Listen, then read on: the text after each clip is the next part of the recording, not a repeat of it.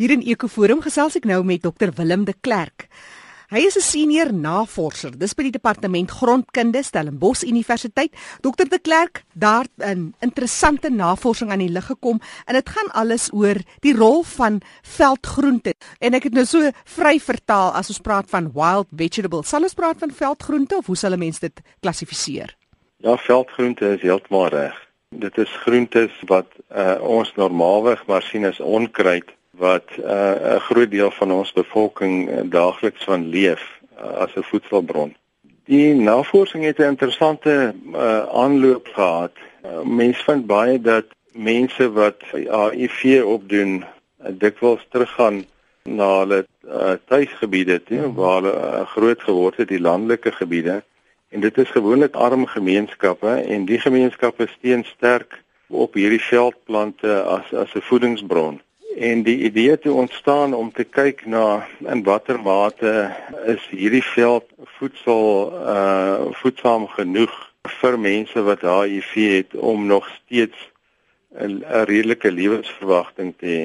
Uh as gevolg van die sensitiwiteit van die soort studie, ehm um, het ons eerder gefokus daarop om net die die voedselbron te ondersoek en te karakteriseer en nie so seer gefokus op die uh menslike gesondheidsaspekte daarvan nie.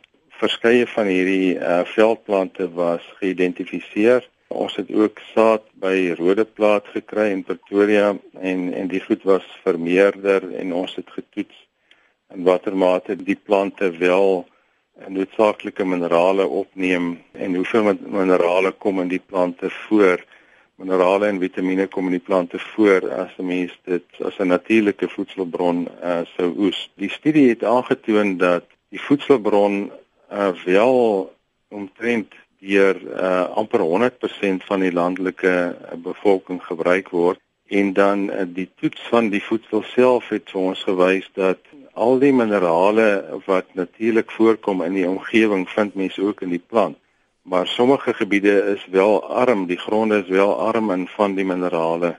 In 'n aanvulling is dan voorgestel in hierdie gebiede waar mense wel uh, die die plante groei en verbou. Dit is 'n aanvulling voorgestel om die voedingswaarde van die goed te verhoog. Dis altyd vir my interessant as 'n mens kyk na die verhouding van mense teenoor die grond, moeder aarde, die natuur. Ek kan onthou as kind na 'n reën in 'n Makoland het ons partykeer van die klei geëet, van die grond. Nou, hoe sal 'n mens daai verbintenis maak met byvoorbeeld hierdie spesifieke groente? Dat mense weet dat hulle nie byvoorbeeld giftige plante sou inneem nie. Dit is 'n uh, nou, om wel 'n Engelse term nou weer te gebruik, die indigenous knowledge. Uh, hmm Dit is uh met oorlewering weet uh meeste van die landelike uh, mense watter plante wel geëet kan word. Hulle word geleer watter plante hulle kan gebruik. En uh die die interessantheid is dat ehm um, as jy mense na Afrika se geskiedenis kyk met al die oorloë en as jy mense nou dink dat in, in baie van die oorloë is al die mielielande en alles is afgebrand, maar dan oorleef die mense nog steeds. En die feit dat hulle oorleef het juist te doen met hierdie voedselbron en en ook net so in Suid-Afrika, die feit dat mense oorleef uh, in arm toestande het alles te doen met hierdie voedselbron wat nie 'n westerse uh, voedselbron is nie. Ek kan hom wel sê ons het as as kind en dis ook maar, maar waar my uh, belangstelling in die goed ontstaan het is ons het as kind by my ouma op die plaas dikwels uh, van die goed geëet uh, wat ons nou maar as geken het is Marokko. Ja. En en ons het dit baie geëet as as kinders en dit is dit is eintlik baie lekker. Dit is soos groenboontjies. My punt is dat hierdie voedselbron is 'n inheemse voedselbron wat gemaak het dat uh, mense in Afrika vir baie jare kon oorleef en gesond bly. Dokter, dit is die een kant van die muntstuk dat daai simbiose van mens en die natuur. Maar as 'n mens kyk na byvoorbeeld die grondtipes en so meer, dis nou ook waaroor julle studie seker baie keer gaan. Hierdie uh, groente waaroor die navorsing gegaan het, daar's interessante kennis wat weer ook uh, na vore gekom het in opsigte van die rol van hierdie voedsel as 'n mens nou kyk na uh, byvoorbeeld droogtes, oorstromings en so meer. Die die plante speel wel 'n rol in die omgewing. Hulle is deel van die voedsel voedselketting. Die plante word ook bewy deur wilde diere en en selfs uh insekte wat die plante nodig het om voort te bestaan. En as gevolg van hulle gehardheid uh is is hulle eintlik 'n staatmaker in die in die ekosisteem. Hulle word eintlik baie min beïnvloed deur droogtes en en ons het gevind dat van hierdie spesies se sade kan eintlik baie lank oorleef in die grond tot wat hy dan nou weer uh, die grond weer nat raak uh, met reën. Uh, wat ons ook gesien het, dit beïnvloed ook die landelike bevolking is dat waar daar groot kommersiële boere is en die lande word besproei, dan slaan die onkruide of hierdie veldplante uh slaan ook op in in die besproeide gebiede en die landelike bevolking sal dan terwyl hulle werk daar of hulle sal gaan vra vir die vir die betrokke boer of hulle die die bron kan benut en gewoonlik word hulle toegelaat dan oes hulle eintlik 'n plant wat baie sterker groei as gevolg van die kunsmis wat hy ontvang het en as gevolg van die beter mineraal inhoud van die van die landbougrond wat dan 'n uh, baie kragtige voedselbron is vir baie van die mense. So hulle verkies eintlik hierdie plante wat amper half kommersieel verbou is. Maar die plant self het nie eintlik 'n ander nut in binne 'n kommersiële landbou uh, waar daar nou ander gewas gekweek word. Uit die aard van die saak groei hierdie plante en groente dan nou in landelike gebiede. Wat van dit dalk na stedelike gebiede toe te bring waar mense van die platteland juis ook woon en werk? Daar was al pogings om hierdie plante kommersieel te verbou om as 'n voedselbron uh, te dien ook vir uh, ons landelike mense wat verstedelik het. Mm. En ons ondervinding is dat um, die die mark daarvoor is nie so groot nie.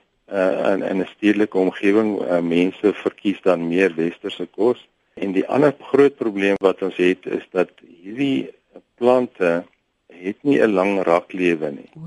So as jy hom vandag gepluk het, moet jy hom verkieslik vandag gaar maak en gebruik want selfs die vitamieninhoud van die plant uh, verval as jy hom nie vandag gebruik nie. Môre is hy van minder waarde en en dalk ook giftig. Baie van die plante soos die amaranthus het 'n uh, bitter smaak. So hy word eers gekook uh, en dan uh, dikwels in 'n soutoplossing. Dit word afgegooi en en dan berei hulle hom voor vir vir eet. Hmm, dis um, interessant. Die die interessantheid is dat die plant self het nie 'n lang raklewe nie al word hy kommersieel verbou. En, en dit is amper soos 'n uh, manna in die Bybel. Ja, ek het sit en dink die hele tyd daaraan dokter. Hm. Jy moet hom vandag gebruik want môre is is is hy bederf. Ja.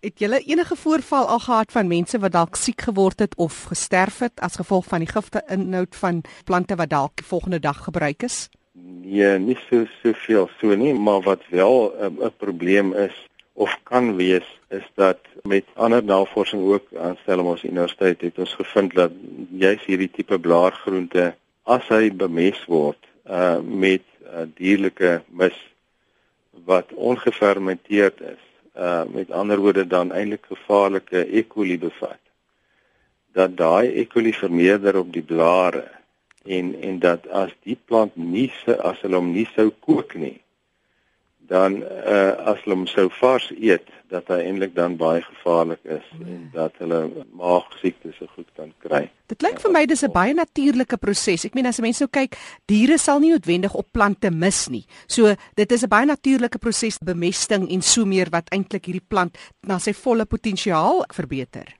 Ja, dit is so. En so gesels Dr Willem de Klerk, hy is 'n senior navorser by die Departement Grondkunde, Stellenbosch Universiteit, wat gesels het oor hierdie interessante navorsing oor veldgroente en die bydrae wat nou gelewer word met voedselsekuriteit. Daar's dalk 'n webtuiste waar mense meer kan lees oor die interessante werk wat julle doen by die Departement Grondkunde. Ja, daar is uh hulle kan maar net gaan na die Stellenbosch Universiteit se se webblad en uh, kyk vir grondkunde op. Dit is sun.ac.za. Dr Willem de Klerk, senior navorser departement grondkunde by die Universiteit van Stellenbosch, gemaak 'n draai op die webtuiste sun.ac.za. Soek rond vir grondkunde.